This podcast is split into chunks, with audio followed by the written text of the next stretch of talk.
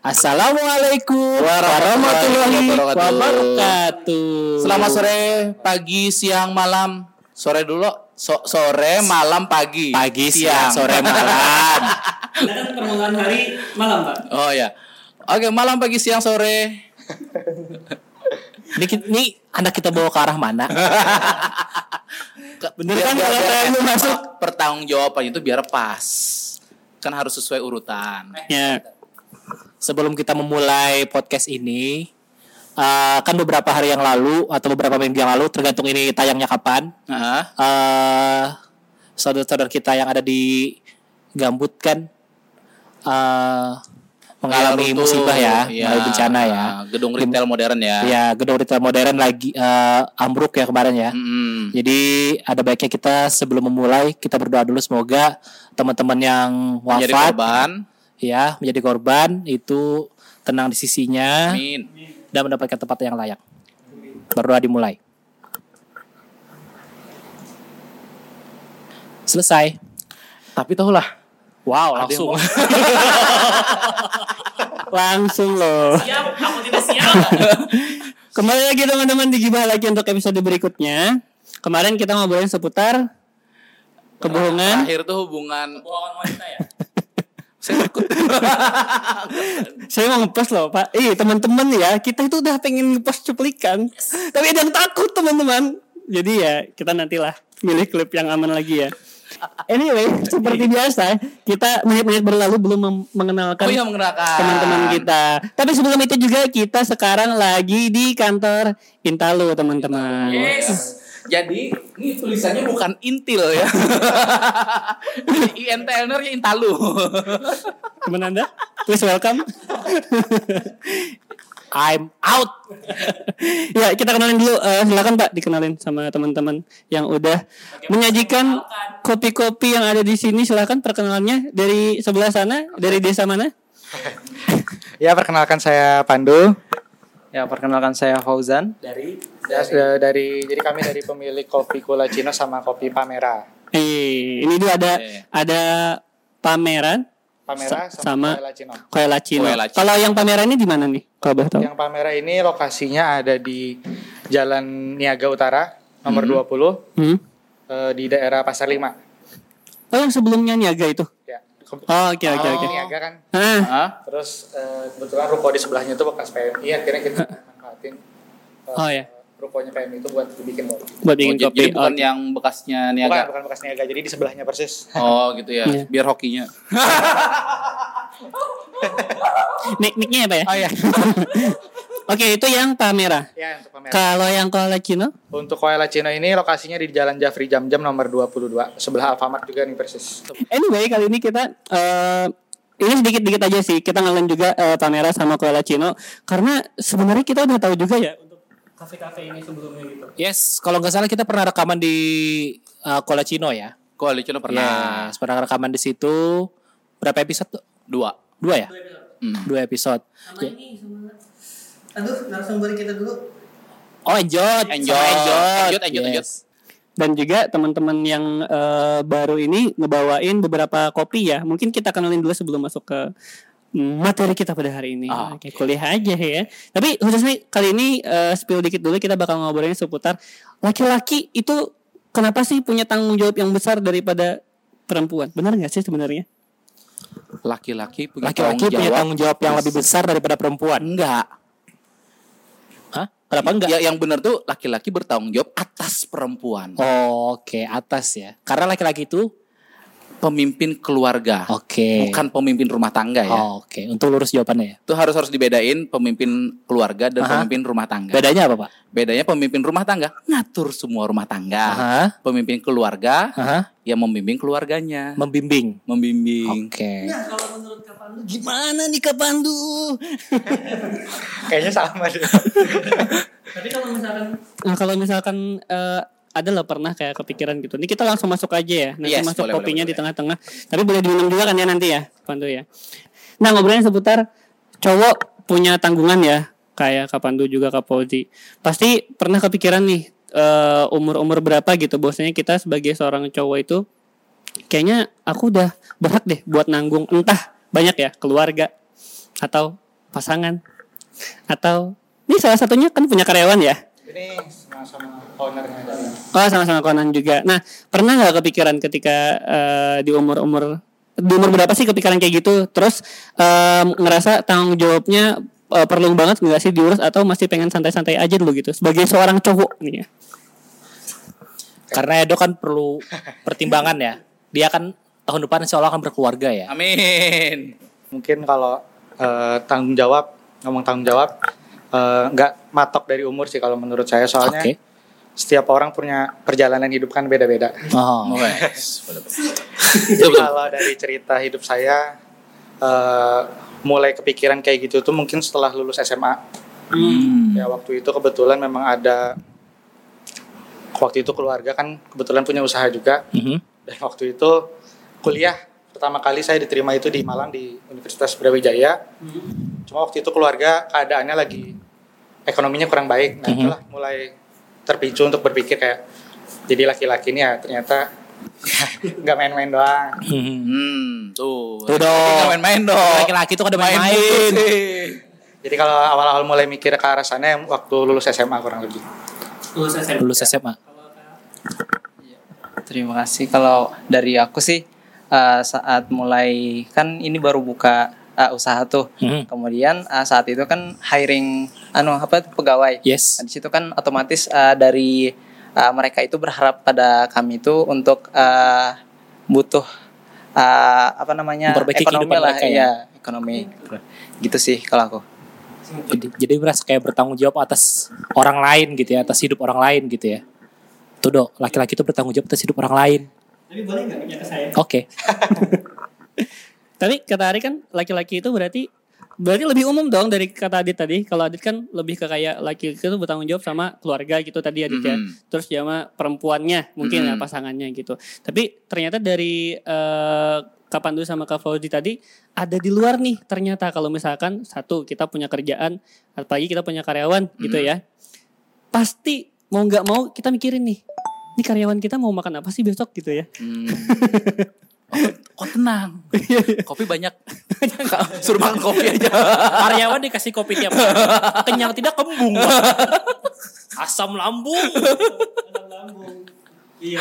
Kalau misalkan eh anggaplah kita posisikan sebagai semua cowok gitu ya. Kita belum mikirin yang namanya kita punya kerjaan, terus kita punya karyawan. Karyawan itu pasti tanggungan. Anggaplah di sini bos ya gitu ya. Hmm. Kayak. Nah untuk diri sendiri dulu di luar itu semua sebenarnya Kak Pandu atau Kak Fauzi ini pernah kepikiran gak sih? Oh ke depannya nih, oke aku sekarang punya tanggung jawab gitu. Nanti bakal ada tanggung jawab yang lain, yang pasti baru juga, yang bakal aku urusin dan aku belum siap. Pernah nggak kepikiran kayak gitu? Sering lah. Pribadi nih pertanyaannya Edo nih. Itu dari Edo sendiri ya. Contoh mungkin kalau kita kalau ngomong di luar dari pekerjaan. Yes. Kebetulan saya juga baru nikah berapa bulan. Alhamdulillah. Tepuk Ya. tangan dulu dok. Yeay. Dapat un- Enggak, kita harus bersyukur ketika ada orang yang nikah berarti satu tahap lebih tinggi lagi daripada yang jomblo-jomblo di luar sana. Ketemu nikah. iya dong. Ya kan bernegara ya? Betul itu. Ketemu nikah Pak ya? Iya. Kayak Bapak kan? Iya. Iya. Ketemu-ketemu nikah. Nikahnya langsung. Habis itu banyak berantem. Ya, jadi kalau menurut saya, eh, saya sering mikir kayak gitu. Hmm. Eh, bukan hanya dari segi pekerjaan, cuma kayak hubungan. Kayak contohnya kita mau nikah, itu kan pasti dalam hati ini kan nggak selalu ngerasa siap untuk tanggung jawab ke arah sana. Nggak selalu ya. Enggak Jadi- selalu jadi- siap kita tanggung jawab. siap, kadang-kadang kita ngerasa Ya. belum siap untuk ke arah sana. Jadi jarang banget mungkin kayak orang, aku sebenarnya siap aja kok buat salah satunya nikah gitu. Ya. Jarang ya sebenarnya. Hmm. Apalagi kalau ngomongin ke arah misalkan ekonomi atau apa, kalau Hmm. nikah kan kita harus Hmm. punya kan kalau orang mikir mindsetnya nikah tuh harus punya rumah, harus punya pekerjaan pasti, harus Macam-macam punya lah. mobil ya. Hmm. Itu kan mungkin untuk di usia-usia kayak saya Faujan mungkin Hmm. apalagi ini kami kebetulan baru lulus kuliah juga. Kuliah kami agak panjang nih, Bang. Jadi eh, emang itu sih untuk di umur sekarang buat punya itu semua dan harus nikah tuh kayak itu merasa nggak sanggup sebenarnya awalnya mikir ke sana ya. Alhamdulillah juga kan bisa bisa menikah tapi juga bisa lulus kuliah gitu loh. Hmm, Plus punya usaha punya lagi gitu loh. usaha. Apa kabar yang deh? Oh, Ah, ah. Soalnya kan kebanyakan sekarang kalau mikirnya gini, kalau belum jadi budak pemerintah tuh susah nikah gitu loh. shit budak pemerintah. Ini masih aman ya. Tolong, Masih aman. oh, kita main main aman dulu ya hari ya. tolong, tolong, tolong. Tolong, tolong, tolong, ya. tolong. Iya. Kalau aku sih masih belum terlalu jauh mikirnya. Paling eh, eh, selesaikan kuliah dulu, usaha tetap jalan. Kemudian juga ya sambil nunggu-nunggu kalau misalkan ada eh, pembukaan atau penerimaan dari itu ya masuk ke situ. Hmm. Oke. Tapi tapi bentar Jan, mau mau nanya boleh nggak Jan? Boleh, Ada silakan. target gak misalnya punya tabungan eh, sekian m dulu baru nikah? Kalau itu sih enggak. Kalau aku eh, targetnya yang penting eh, sudah punya kerjaan yang pasti, Hmm. yang kira-kira cukup untuk di anu menghidupi. Untuk menghidupi. Menghidupi ya. Ah, ah. pekerjaan atau usaha Jan? Pekerjaan Kan, kan beda Jan. iya, Kalaunya pekerjaan kan gajinya bulanan pasti. ya, Nah kalau usaha kan bulan ini mungkin cuman tiga digit, Iya. lima ratus ribu misalnya. Sih? tiga digit. Mungkin bulan berikutnya bisa sampai dua digit, 12 juta atau 90 juta per bulannya. Gimana Jan? Kalau aku sih eh, ini kan namanya hidup kan harus ada kepastian gitu. Ah. Iya, kalau dari misalkan pekerjaan kan biasanya lebih pasti. Kalau usaha kan kadang naik, kadang turun. Ah. Masih belum tahu kayak apa ke depannya gitu. No. Cuman pasti eh, mengejar karir dulu kayak. Kejar dulu. iya. Apa berencana jadi budak juga? Masih belum tahu. tapi kan tapi kan katanya katanya ya Hmm? yang sering gue denger gitu kan ketika kita menikah itu kan kita membuka pintu rezeki gitu Hmm. kita katanya ya Betul sih pak. betul kan bisa kebuka pintu rezeki Fakta, tapi kalau fakta. anda menikah tapi ada pengangguran apa pekerjaan anda sat Eh, itu membuka buka rezeki pak. Masih nganggur. Terus menikah apa ya? Tiba-tiba ada nawarin kerjaan. Ya mungkin tuh yang namanya tadi ya. buka menikah. rezeki. aku punya pekerjaan pekerjaanku mencari pekerjaan Aku jadikan seseorang. tapi eh, tapi ada yang bisa diambil loh Pak dari eh, kata teman-teman dia berarti memang sebenarnya hidup tuh nggak usah idealis idealis banget lah ya Hmm. harus ngitung juga gitu kita boleh idealis ketika kita sudah kaya raya kalau kita masih belum kaya raya ya udahlah simpan aja dulu idealisnya buat kita sendiri gitu loh Hmm. itu sih yang gue sadari ketika beberapa tahun hidup terakhir ya Oke, jadi istilahnya idealis boleh, tapi nggak merugikan orang lain. Nah itu idealis buat kita sendiri aja kayak misalkan gue idealis, gue nih anaknya alam banget, gue nggak mau ngambil pekerjaan yang tidak berhubungan dengan alam. Oh, What the fuck gitu loh. gitu ya. Terserah mau alam roh gitu ya, atau alam yang mana. Gitu. udah mulai pusing Pak bawa minum dulu Bawa minum dulu. Silakan. Yang mana ini? Ini pengen nyoba nih eh si stigma. Ya. Stigma ini kepanjangan dari?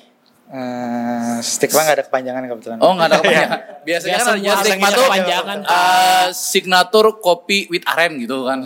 Bisa tuh. Baru kepikiran mungkin mereka bakal kayak gitu.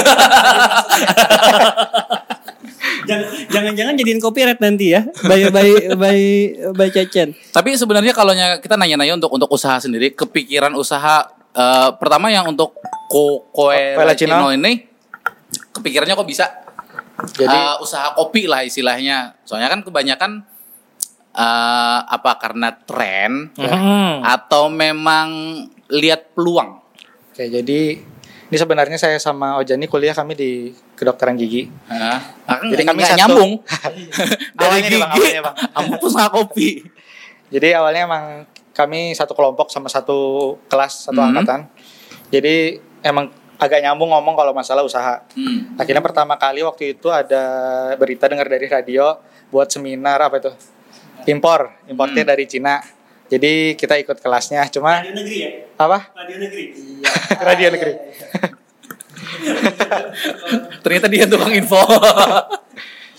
Akhirnya ikut seminarnya waktu itu pertamanya gratis, cuma jadi kayak model seminar itu seminar berlanjut. Jadi kalau Mm-mm. kita bayar nanti bakal ada lagi. hmm. baru dikasih ilmunya lagi dilanjutin lagi nih Aha. ilmunya jadi akhirnya berapa kali ngobrol karena tadi udah mau bayar ke situ cuma nggak jadi akhirnya cari-cari peluang ke lain pertama Hmm. mau apa nih konveksi baju terus nggak jadi juga udah survei-survei akhirnya mulai lihat peluangnya ini ke arah kopi. Waktu itu kebetulan janji jiwa dan lain-lain dan teman-temannya itu baru masuk. Mm.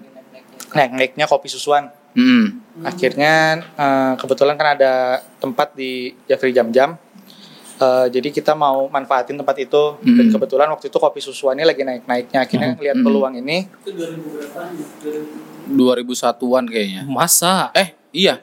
2019 ya pandemi Oh, belum Memang belum pandemi. 18 19-an kayaknya. 18 bukan 2001-an ya?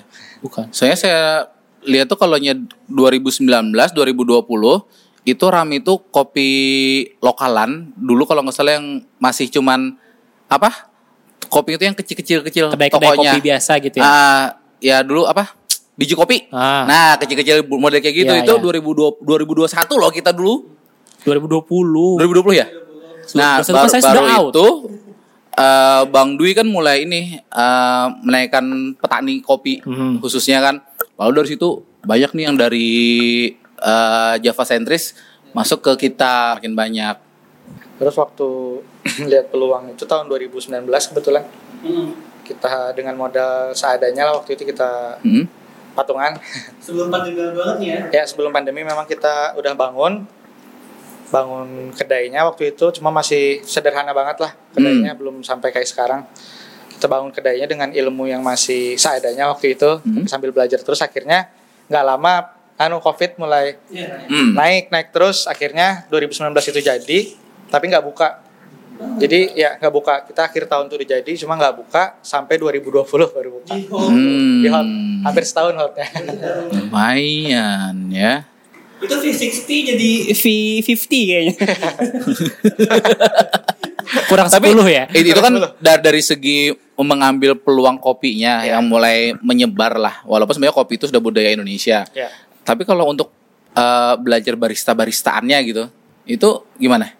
Mungkin pertama eh, saya sama Ojan banyak dari YouTube belajar Hmm. selain ya kebetulan kopi-kopi sekarang yang di Banjar-Banjar buka kan kalau kita kan saling kenal satu sama lain jadi kita sering sharing-sharing gitu kalau untuk awal ya emang kami full dari YouTube memang otodidak dari YouTube kita belajar pelan-pelan baru setelah usahanya udah jalan baru kita ikut kelas-kelas kecil-kecilan lah masih. Oh. Jadi Oke. ya yang ngiring jadi kita mikirnya kemarin itu yang penting buka dulu Hmm. kita jalan survive usahanya baru nanti duitnya ini kan ada masuk akhirnya kita bisa belajar bisa ke sana ke sini bisa kenal sama Nah. komunitas kopinya juga akhirnya belajarnya lebih enak lagi jadi nggak jadi nggak langsung buka kopi langsung gede gitu ya. Heeh. Karena kan banyak yang lagi Anak sultan pak langsung gede. Ya siapa tahu kan ada yang aku pengen buka usaha kopi nih lagi rame langsung nyawa yang gede gitu misalkan. Habis itu bangkrut. Iya, makanya kan banyak yang orang-orang yang anak-anak muda zaman sekarang gitu ya kayak yang latah Hmm, ikut-ikutan latah sih, misalkan ya gitu kan ya. ikut-ikutan ikut-ikutan ma- apa bikin kedai kopi Hmm. tanpa tahu apa segala macemnya gitu yang cuman oh aku sering nongki di tempat ini misalkan Hmm. terus eh, oke deh gue bikin kedai kopi juga deh berbekal cuman pernah ngeliat orang bikin gitu Ah. kan Otodidak ya. bukan otodidak itu otomotif itu terus mereka menghayal oh kalau aku sudah bikin kedai kopi aku bakal sukses gitu padahal kan sukses itu nggak semudah itu gitu loh Hmm. iya kan Ada prosesnya, ada, Ada ilmunya prosesnya. juga ya. Iya. Cuman kalau nya dilihat manajemen ya untuk uh, usaha kedai-kedai kopi kayak gini, Aha. bahkan sampai ada kedai yang kedua ya istilahnya, Mhm. Itu yang paling penting manajemen uh, uh, manajemen dari keuangan pemasarannya atau dari uh, manajemen apa sih si baristanya gitu membikin kan kadang tuh ada orang cari cita rasa. Ya. ada yang nyari mungkin oh, tempatnya enak doang aja Mhm. nggak peduli kopinya apa. Itu gimana? Instagramable? Iya semacam itu. Kebetulan kalau deketin aja oh ya kebetulan kalau kami yang kami utamakan di sini pertama memang cita rasanya terlebih dahulu Hmm. jadi kalau mau lihat ke lokasinya Kula Cina emang nggak Instagram Instagramable Hmm. jadi nggak bukan buat anak estetik kayaknya kurang cocok kalau ke sana nongkrong nongkrong Hmm. Jadi kayak emang emang dari pertama ini kan waktu setahun gak jadi itu bang. Hmm. Itu setahun aku- saya sama Ojan ini udah ngulik-ngulik doang kerjaannya.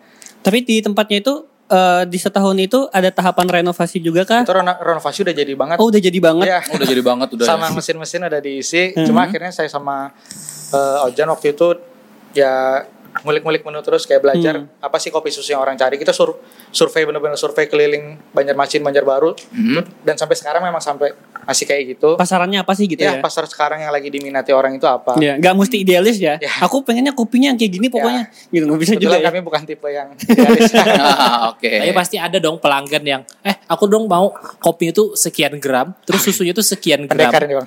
Terus eh gue nggak mau ya airnya itu kalau nggak panasnya berapa derajat celcius gitu. Hmm. Pasti ada kan? Pasti ada. Itu contohnya. itu kalau ngadepin macam-macam pendekar itu gimana? Kalau kami sih namanya pelanggan adalah raja kata orang. Hmm. Jadi setiap pelanggan mau gimana pun requestnya, selama kami bisa ya memenuhi, kami penuhi terus. Oh. Cuma memang kalau iya, ada keterbatasan, memang ada yang tidak sesuai, kami bakal kasih informasi ke dia. Ya Misalkan pelanggan ada- ada raja tapi nggak otoriter gitu juga Iya, gitu cuman loh. bagusnya si Bang siapa namanya? Pandu. Pandu. dia ngasih edukasi ke pelanggan yang sok jadi pendekar. gitu. Kan ada yang sok jadi pendekar ya. Ada yang memang bener-bener pendekar beneran gitu kan. Beda. Oke. Pendek tapi kekar kan. yang dicari Pak, sebenarnya Badannya. dicari kekarnya dulu, Pak. Kalau ke Fauzan nih, aku mau nanya ke Fauzan. Iya. Kira-kira em, kok sempat kepikiran sih buat bikin dua gitu, ada pameran sama Cina. Ada ada alasan tertentu gak sih? Oh ternyata buat di pameran ini gitu atau Cina tahu sama aja gitu. Kalau dari aku kemarin itu ada mikir juga sama Pandu. Kalau kula Cina ini, iya, kalau kula Cina ini dia kan lebih ke basic kopi susu. Kalau yang pameran ini eh, yang ngikutin yang lagi hits sekarang Oh, nih. iya. Di mana kan Oh, yang sekarang lagi oke. hits kan biasanya anu moktel-moktelan. Moktel. Ah, Jadi eh, otomatis kebanyakan menu moktel-moktelannya di pameran kayak gitu. Hmm. Jadi oh. untuk segmen pasarnya memang yang berbeda gitu. Oke, Kalau yang jadi suka saya kalau kalau nyari yang manual brew ke Pamera Pamera. nggak mungkin ada. Ada sih cuman ada sih tipis-tipis cuman- iya, gitu ya. Iya. gitu. Hmm, Ya, Oke. Karena saya anak, anak muda kan sekarang moktel-moktelan. Nah, Sama hotel-hotelan. Oh berarti tuh kelihatan tuh Pak kalau orang ke Cina sama yang ke Pamera itu outfitnya beda. outfitnya beda. Oke. Kalau yang agak, agak jaksel ke Pamera tuh biasanya. Eh, kalau mikirnya ke Jaksel ya. Kalau gua enggak. Kayaknya kalau lebih umur eh, 30 ke bawah, kayaknya Pamera deh ya. Mungkin kalau 25 ke atas kue Cino kayaknya. Ya, Iya. Biasa kan suka gini-gini bapak-bapak ya. Berarti gue dong. Tiap malam ya, Pak. iya sih. Nah, terus kalaunya untuk eh ini penasaran gitu ya sebenarnya, ini penasaran saya pribadi, bukan bukan dari data. eh untuk ngitung harga misalnya, ini kan kadang eh kok bisa ya kalaunya yang kekinian harganya lebih up daripada yang eh apa yang manual lah istilahnya gitu. Kok kok bisa gitu loh? Setiap kedai ini sebenarnya nerapin eh, perhitungan HPP yang beda-beda buat cari Mhm. profitnya. Kalau eh, saya sama Ojan kita mainnya quantity sih bang. Jadi kita nggak cari eh, profit yang jauh banget kayak ratusan persen dari harga modal aslinya. Mhm.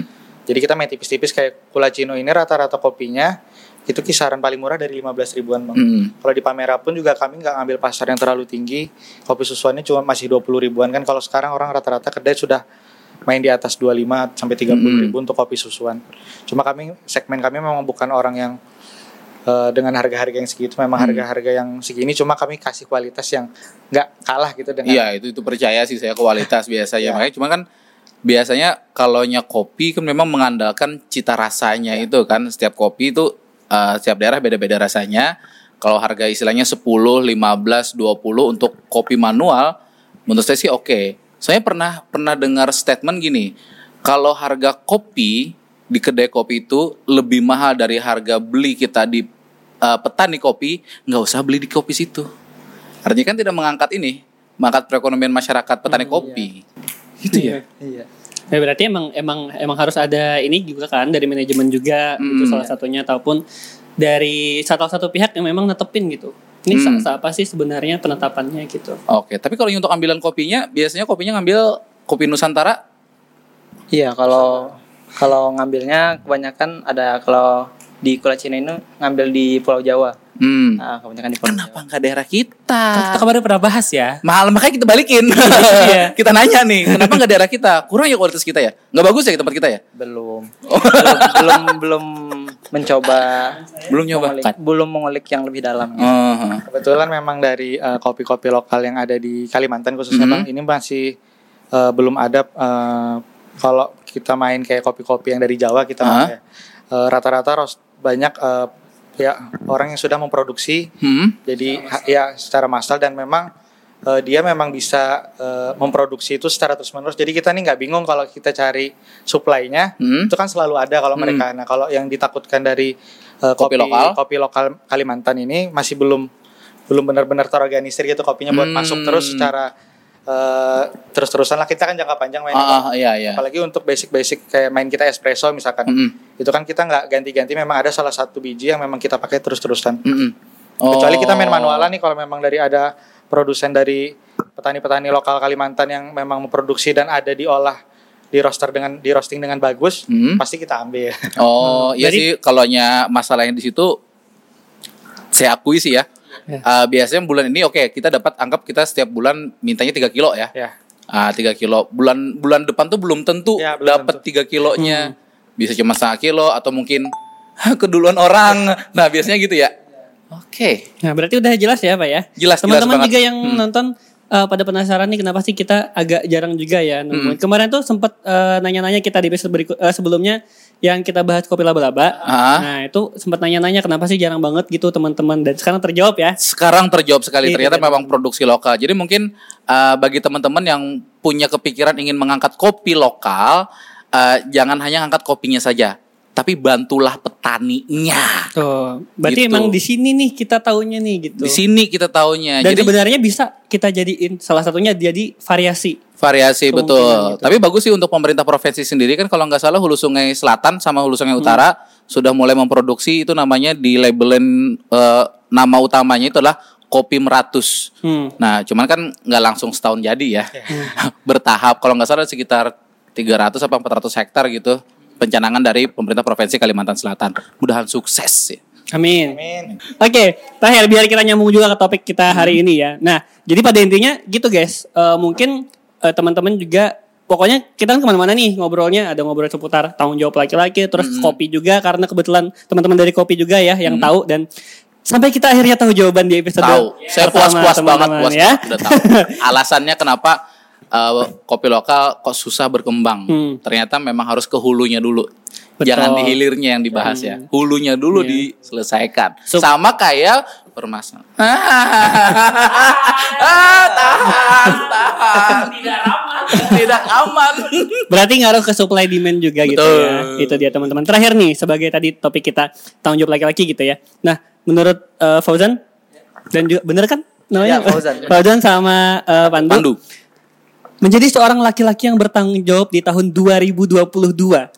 Karena ini zaman modern banget nih. Kayaknya beda deh. Cowok-cowok zaman dulu tuh tanggung jawabnya kayaknya masih mikirin apa gitu kayak ya. Sekarang eh, ada yang beda gak sih untuk kita-kita sebagai anak-anak? Kita masih milenial gak sih sebenarnya?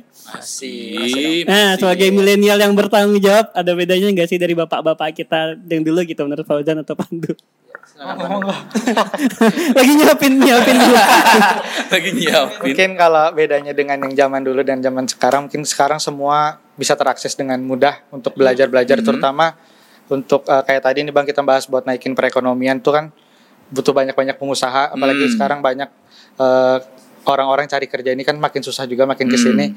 Ini kayak buka lapangan pekerjaan ini ya enak lah kalau mau belajar-belajar usaha kopi apa pun itu juga yang penting niatnya dulu dari hati nih biar Mhm. mau sukses nih. Saya juga dari tahun 2015 mulai usaha udah, cuma baru berhasil pas kebetulan pas buka Kula Cino ini. 2015 jualan mercon belum belum merchant belum. Jual beli pupuk ya. Dulu rumah makan Banjar sama Chef Agus.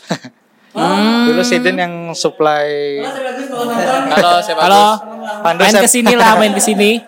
Iya. Siapa tahu kan? Oh, Chef Agus lagi berteman sama Nijam. Iya. Siapa tuh dari sini kan di banjir ya. Iya, iya, iya. Sama baju sesirangan gitu ya. Kalau? Iya. Kalau aku sih ya, kalau aku sih di sini kan uh, untuk mengakses dari informasi itu lebih mudah untuk sekarang ya. Beda sama zaman dulu yang memang terbatas harus ke kota dulu untuk tahu kayak apa. ya. Hmm. Kalau sekarang kan uh, dengan internet dengan HP aja sudah tahu informasi yang kayak apa. Jadi eh, untuk eh, masalah eh, usaha dan sebagainya itu memang lebih dimudahkan Hmm. daripada yang orang tua dulu. Gitu. Tapi ada pro consnya pasti ya. Iya. Kemudahan ini. Iya. kasus apa, investasi bodong Iya. Dan kadang-kadang kan orang kurang belajar dulu nih buat arah ke investasi kan investasi kan banyak macamnya cuma Hmm. kadang-kadang orang salah pilih masih Hmm. Saking mudahnya. saking mudahnya Saking ya. mudahnya, takutnya kan kayak instan ini kan kejadian di Alak Berangas kan, gara-gara investasi bodong 40 juta ngutang Utang. nggak bisa balikin, akhirnya depresi dan yes, itu dia. Diakhiri dengan sesuatu yang kelam sekali. Oke, jadi intinya banyak-banyak belajar, jangan terlalu cepat percaya dan harus segalanya di apa ya, dilihat benar-benar, Yes. diselidiki. Dan juga kalau misalkan kalian mau mulai usaha, jangan memikirkan suksesnya dulu. Hmm. Jangan, oh aku bakal sukses, aku bakal kaya raya. Nah, pokoknya kata orang kalau mau usaha itu eh, pikirin emang pastinya dulu. Iya. Pasti rugi dan sukses adalah bonusnya. Nah, itu dia dan jangan lupa kalau kalian mau ngopi, kau ngopinya ke Kulacino atau ke pameran. Buat bapak-bapak kalau Cino aja ya. Dan terima kasih juga buat eh, Intalo ya yang minjemin tempat buat kita. Kayaknya ke depannya kita masih bakal di sini dan doain semoga lancar ya guys ya. Oh ya bentar satu boleh nggak? Boleh? Mau cari yang baju besar beli aja di Intalu. Ada pamit. Ari pamit. Cece Raditya pamit. Pandu juga pamit. Fauzan pamit. Sampai ketemu lagi. Bye-bye. Bye bye. bye.